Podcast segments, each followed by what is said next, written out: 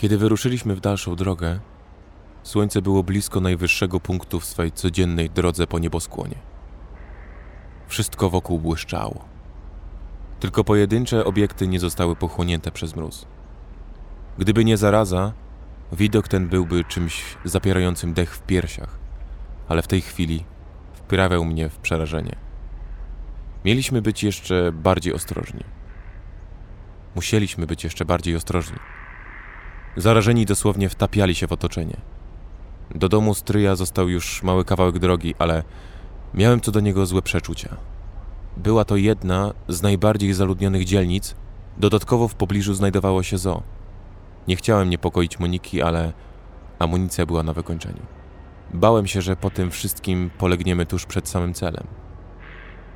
Bezwzględna cisza była jeszcze bardziej denerwująca niż krzyki zarażonych. Słyszałem każdy nasz krok i oddech.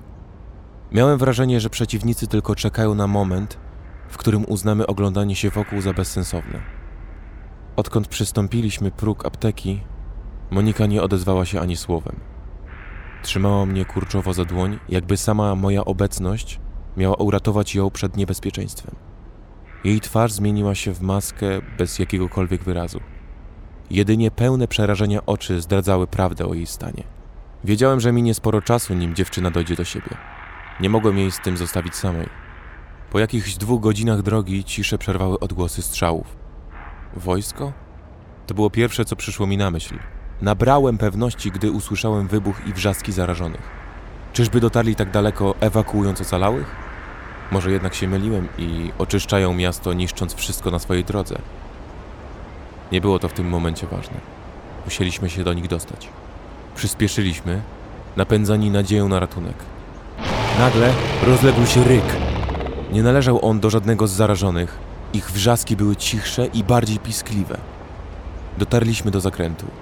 Stąd powinien być już dobry widok na to całe zamieszanie. Ale nie zobaczyliśmy niczego poza chmurą lodowatego pyłu, zasłaniającą całą ulicę. Dopiero wybuch kolejnego granatu ukazał nam część scenerii. Mój Boże! Już wiedzieliśmy, co wydawało te ryki. Był to słoń, cholernie wielki słoń, a to przez grubą warstwę lodu pokrywającą całe jego ciało. Tylko na jego brzuchu dała się dojrzeć wyrwę po granacie, ukazującą ciemno-czerwoną tkankę. Bestia rzucała się w szale na strzelających w nią mężczyzn rozproszonych wokół. Nie byli to żołnierze, jak myślałem wcześniej. Mieli na sobie szare, zimowe płaszcze. Przypominali bardziej zorganizowaną grupę morderców niż wybawicieli, od których można uzyskać jakąkolwiek pomoc.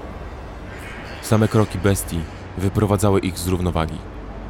Patrzyłem w osłupieniu, jak jeden z mężczyzn został uderzony monstrualną trąbą, która posłała go prosto na spotkanie z najbliższą ścianą. Ciało zmieniło się w krwawą miazgę. Zwykłe pociski nie robiły na słoniu żadnego wrażenia. Rozpętywanie chaosu ułatwiali mu jeszcze zarażeni, którzy rzucali się na przeciwników będących już i tak w beznadziejnej sytuacji. Jak? Przecież to miało nie ruszać zwierząt. Widocznie nie we wszystkich przypadkach się to sprawdza. Kurwa mać, no jesteśmy już tak blisko i musimy się znowu chować? Pierdolone zo. Czułem, że coś znowu pójdzie nie tak. Nie pomożemy im? Zwariowałaś? Niby jak? Rzucając się tej bestii pod nogi? Nie ma nawet takiej opcji. Ta walka jest z góry skazana na porażkę. Atakując, skazali się na śmierć. Nawet jeśli uda im się załatwić tego słonia, wykończą ich zarażeni ludzie albo jakieś inne cholerstwo. Kto wie co... Mogą jeszcze zostać zarażone. Miałem powiedzieć, ale przerwało mi warczenie. Tak bardzo pochłonęło nas tamto zamieszanie, że daliśmy się podejść tygrysowi, którego sierść pokrywał szron. Skoczył w naszą stronę z rozwartą paszczą, pełną kryształowych kłów. W ostatniej chwili złapałem Monikę i rzuciłem się w zaspę za chodnikiem. Bestia przeleciała tuż nad naszymi głowami i wpadła z impetem przez witrynę do wnętrza księgarni obok. Gdy tylko wygrzebałem się ze śniegu, wyciągnąłem maczetę i wszedłem do środka. Rozpoczął się taniec śmierci. Tygrys krążył dookoła, czekając na odpowiedni moment. Wystarczyło przekręcić głowę w bok, by uznał to za moment dezorientacji. Znowu skoczył, ale tym razem byłem na to gotowy. Odskoczyłem w prawo i rozciąłem jego bok. Zwierz wpadł prosto w pusty wieszak na kurtkę. Nie zniechęciło go to do dalszej walki. Wciąż krążył, ale już nie reagował na próby zerwania kontaktu wzrokowego. Liczył na to, że w końcu się zmęczę i popełni jakiś błąd. Cofałem się powoli wzdłuż masywnych regałów. Tygrys nabrał pewności, że zapędza mnie w pułapkę, bo podchodził coraz bliżej. Szarpnąłem jeden z regałów i odskoczyłem do tyłu. Zwierz jednak okazał się szybszy. Odbiegł w lewo i z przewróconego mebla znów rzucił się w moją stronę. Tym razem nie miałem już jak wykonać uniku. Chwyciłem maczetę w obie dłonie i wycelowałem w jego podgardek, mając nadzieję na trafienie w mózg albo chociaż zwarcie jego pyska. Uderzenie w podłogę pod ciężarem tygrysa sprawiło, że przez chwilę nie mogłem złapać oddechu. Cios okazał się udany. Bestia próbowała wyrwać głowę z ostrza, ale po chwili znieruchomiała. Próbowałem ją z siebie zsunąć, ale była zbyt ciężka. Dopiero wtedy zauważyłem Monikę, stojącą w wejściu do księgarni. Patrzyła na mnie wzrokiem pełnym strachu i żalu. Dopiero wtedy dostrzegłem Waltera w jej drżących dłoniach. Halo, ziemia do Moniki. Pomożesz mi z tym, czy mam czekać, aż zarażenie mnie spod niego wyciągną? Krwawisz! Ty krwawisz! Dopiero wtedy zauważyłem ranę ciągnącą się wzdłuż mojej łydki. Tworzyła się wokół niej szkarłatna plama, ale adrenalina sprawiała, że nawet jej nie czułem. Musiałem rozciąć o szybę. Chciałem brzmieć jak najbardziej przekonująco. Spójrz, widać nawet ślady krwi, no. Uwierz, nic mi nie będzie. Niczego nie czuję, a, a gdyby ta rana została zadana przez tygrysa, to do tej pory powinienem już zacząć się przemieniać. Jesteś pewien? Nie dałbym cię nikomu skrzywdzić, więc tym bardziej nie pozwoliłbym na to, żebym to, to zrobił ja. Proszę cię, no schowaj ten pistolet i pomóż mi, bo zaraz możemy mieć prawdziwe kłopoty. Wystarczy, że zauważy nas chociaż jeden zarażony. Cholera. Jestem do niczego. Tak strasznie łatwo tracę głowę. Większość ludzi po przeżyciu tego, co ty, spanikowałaby i zastrzeliłaby mnie od razu po zobaczeniu rany. Bardzo dobrze sobie poradziłaś. Ale będę cię wychwalał później. Teraz chodź i pomóż mi zepchnąć to cielsko. Ból w nodze odezwał się, gdy tylko wstałem. Nie miałem jednak czasu na użalanie się. Zaczęliśmy zastawiać okna, dbając szczególnie o rozwaloną witrynę. Zaraz po tym przenieśliśmy się na bezpieczniejsze zaplecze. W pomieszczeniu znajdowało się okno, które od razu zasłoniłem żaluzją, ukrywającą nas przed oczami zarażonych. Dla bezpieczeństwa postawiliśmy w tym miejscu przewrócone na bok biurko. Tępy ból w nodze irytował coraz bardziej. Podwinąłem rozerwaną nogawkę pod samo kolano. Nie było aż tak źle, jak się obawiałem, bo chociaż rana ciągnęła się od kostki do połowy łydki, była płytka i dość wąska. A co najbardziej mnie cieszyło, kończyna nie zaczynała sinieć. Tygrys nawet nie zahaczył pazurami o moją skórę. Monika podsunęła mi krzesło. Spojrzała na mnie z lekkim rozbawieniem. Trzymała w ręce wodę utlenioną i bandaż, które wyciągnęła z wiszącej na ścianie apteczki. Siadaj. Trzeba to opatrzyć. Jeśli masz zamiar w przyszłości walczyć z kolejnymi oknami. Poszło dość szybko. Rana wciąż dokuczała, ale przynajmniej była zabezpieczona przed zakażeniem. Nasza sytuacja jest tak beznadziejna, że zaczyna mnie to bawić. Mój mózg zawsze radzi sobie w ten sposób w najgorszych sytuacjach. Znając nasze szczęście, wcale się nie zdziwię, jak tamten słoń wpadnie tutaj zaraz przez ścianę. Albo wojsko zrzuci bombę prosto na księgarnię. Zginiemy tuż przed samym bunkrem. To by było dopiero głupie. Przynajmniej nasze problemy z zarazą by się skończyły. Nagle coś w niej pękło. Uśmiech zniknął, a w oczach pojawiły się łzy. Tam paręnaście minut temu naprawdę myślałam, że będę musiała cię zastrzelić, że cię stracę. Ja Wiem. Powiedziałem, przykładając wierzchnią część dłoni do jej policzka. Powiedziałaś mi to wczoraj, chwilę przed tym, jak, jak zasnęłaś. Też cię kocham i, i nie wyobrażam sobie, co bym zrobił, gdybym cię stracił. Nasze usta znowu się zetknęły. Trwaliśmy tak w namiętnym uścisku, czekając tylko na to, aż rozpętany na dworze chaos w końcu ucichnie. Szybko wepchnąłem trupa pod jedno z łóżek. Kazałem młodemu rozciągnąć koc, żeby nie dało się niczego zobaczyć, a sam zacząłem nakładać ubrania strażnika. Były one trochę ciasne, ale to było najmniej istotne. Ważne, że w ogóle się w nie zmieściłem. Szczęście, które miałem w tym nieszczęściu, nie opuszczało mnie odkąd tutaj trafiłem. Przeszukując kieszenie płaszcza, trafiłem na szalokominiarkę. Kolejny łód szczęścia. Problem z ukryciem twarzy został rozwiązany. Naciągnąłem materiał po same oczy i podniosłem oparty o ścianę karabin. W drugą dłoń złapałem rzucony przez starca pęk ponumerowanych kluczy. Młody, połóż się i udawaj, że śpisz. Jeśli ktoś tutaj przyjdzie, nie może zobaczyć twojej twarzy. A ja mam coś robić? Nie zwracać na siebie uwagi. Zamknąłem cele i poszedłem w prawo. Miałem nadzieję, że się nie mylę. I ta część budynku kończy się za zakrętem. Przynajmniej tak to wyglądało z zewnątrz. Przemierzałem korytarz spokojnym krokiem, mijając cele wypełnione przerażonymi ludźmi. Zatrzymałem się dopiero pod drzwiami, oznaczonymi czarnym napisem Pomieszczenie gospodarcze.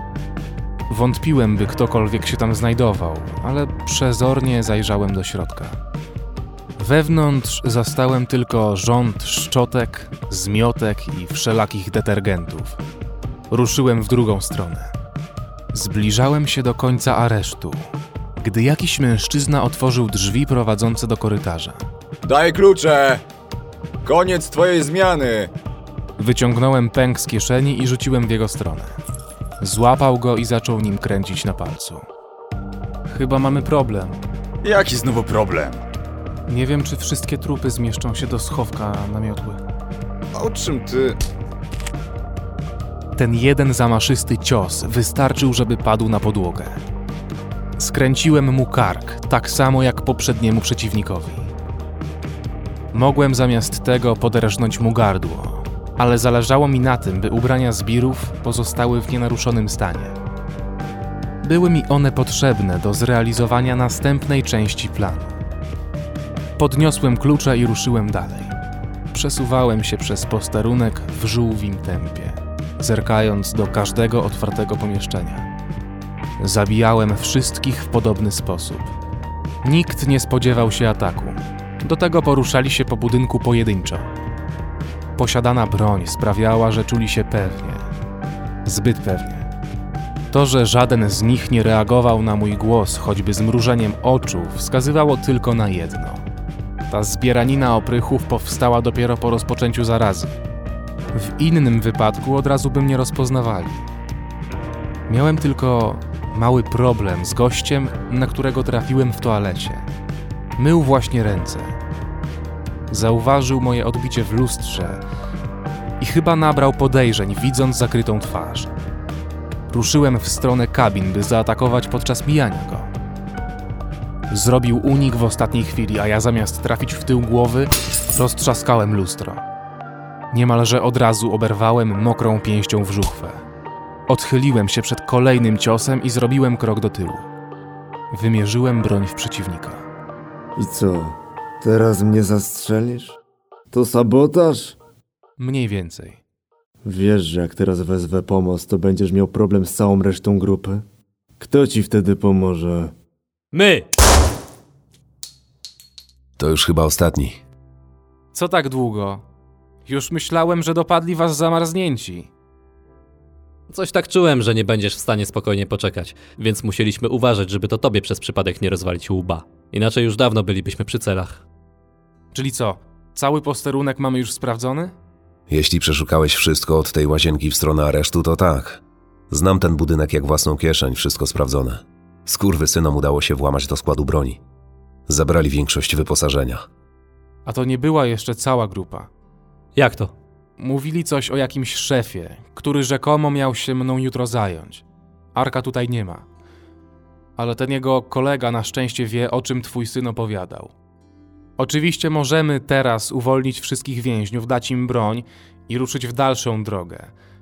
Ale nie możemy tego tak zostawić. Jeśli szef tej całej bandy przeżyje, znajdzie sobie nowych ludzi i wciąż będzie robił to, co mu się żywnie podoba. A kto mu wtedy przeszkodzi? Jak rozumiem, już masz gotowy plan. Tak. Zakładam, że rozpoznaję swoich ludzi tylko po ubiorze. Więc wszystko powinno pójść dosyć sprawnie. Uwolnimy zakładników i spytamy, kto jest chętny do pomocy. Zbierzemy grupę i damy im na zmianę ubrania oprychów. Z kolei ich ciała trzeba po prostu upchnąć w schowku na miotły. Nikt tam nawet nie zajrzy. Do tego jest najbardziej wysuniętym pomieszczeniem. A potem nauczymy ludzi strzelać? Dokładnie. Z ich pomocą rozwalimy tych cwaniaczków w środku, kiedy będą myśleli, że są wśród swoich. Otworzyliśmy wszystkie cele. Ludzie przyglądali się nam nieufnie aż do momentu, w którym powiedzieliśmy, kim jesteśmy i jaki mamy plan. Możliwość zemszczenia się na gnębicielach rozpaliła w ich oczach żywy ogień. Tylko nieliczni woleli się nie wychylać i pozostać następnego dnia w celach aż do końca naszych działań. Znalazło się też paru mężczyzn, którzy już mieli wcześniej kontakt z bronią palną. Daliśmy im część uzbrojenia zbirów. Zostawiliśmy Kazimierza i kilku z nich na posterunku, żeby w razie wypadku mogli się obronić. A sami ruszyliśmy z resztą grupy do pobliskiego supermarketu. Więźniowie byli wygłodzeni, a my sami też nic nie jedliśmy od dłuższego czasu. Kazimierz wspominał o znalezieniu jakiegoś składu jedzenia zbirów, ale jak stwierdził, były to już same ostatki.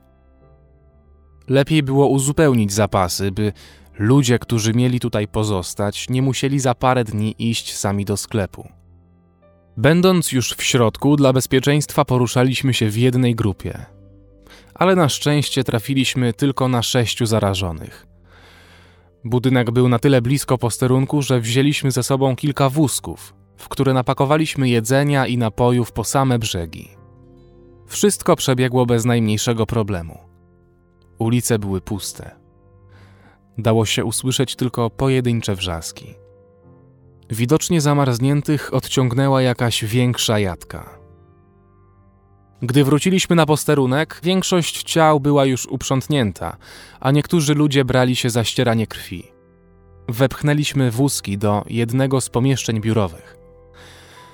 Ten, w którym były same napoje, częściowo opróżniliśmy i włożyliśmy do niego potrzebne teraz rzeczy. Zabraliśmy go do sali konferencyjnej, gdzie ściągnęliśmy wszystkich z całego budynku.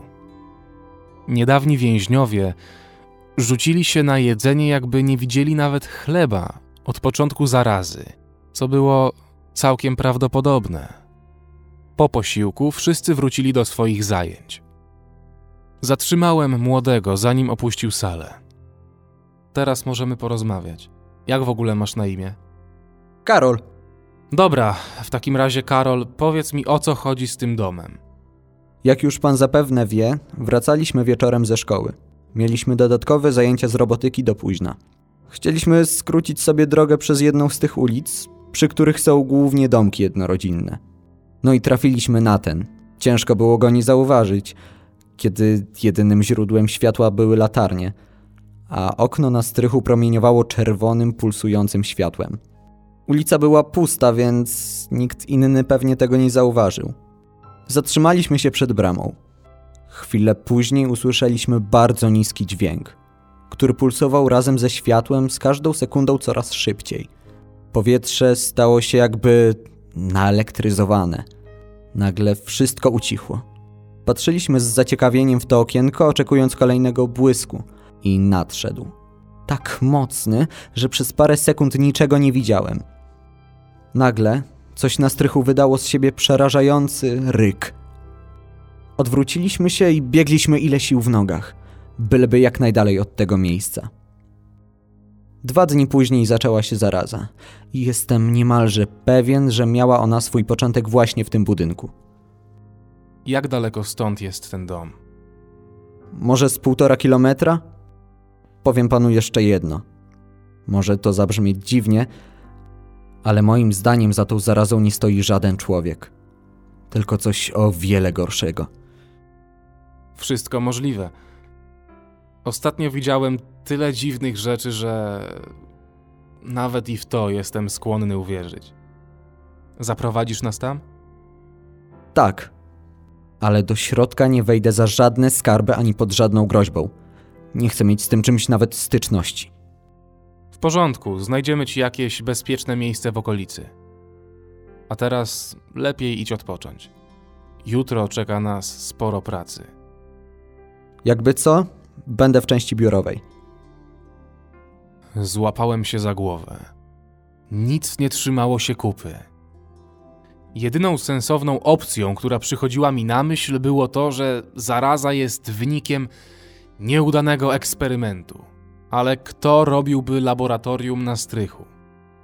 Ech, stwierdziłem, że nie ma co łamać głowy. Przecież i tak miałem odkryć to wszystko następnego dnia. Teraz musiałem zabrać się za przygotowania. Nic nie mogło nawalić. Musieliśmy dopiąć wszystko na ostatni guzik.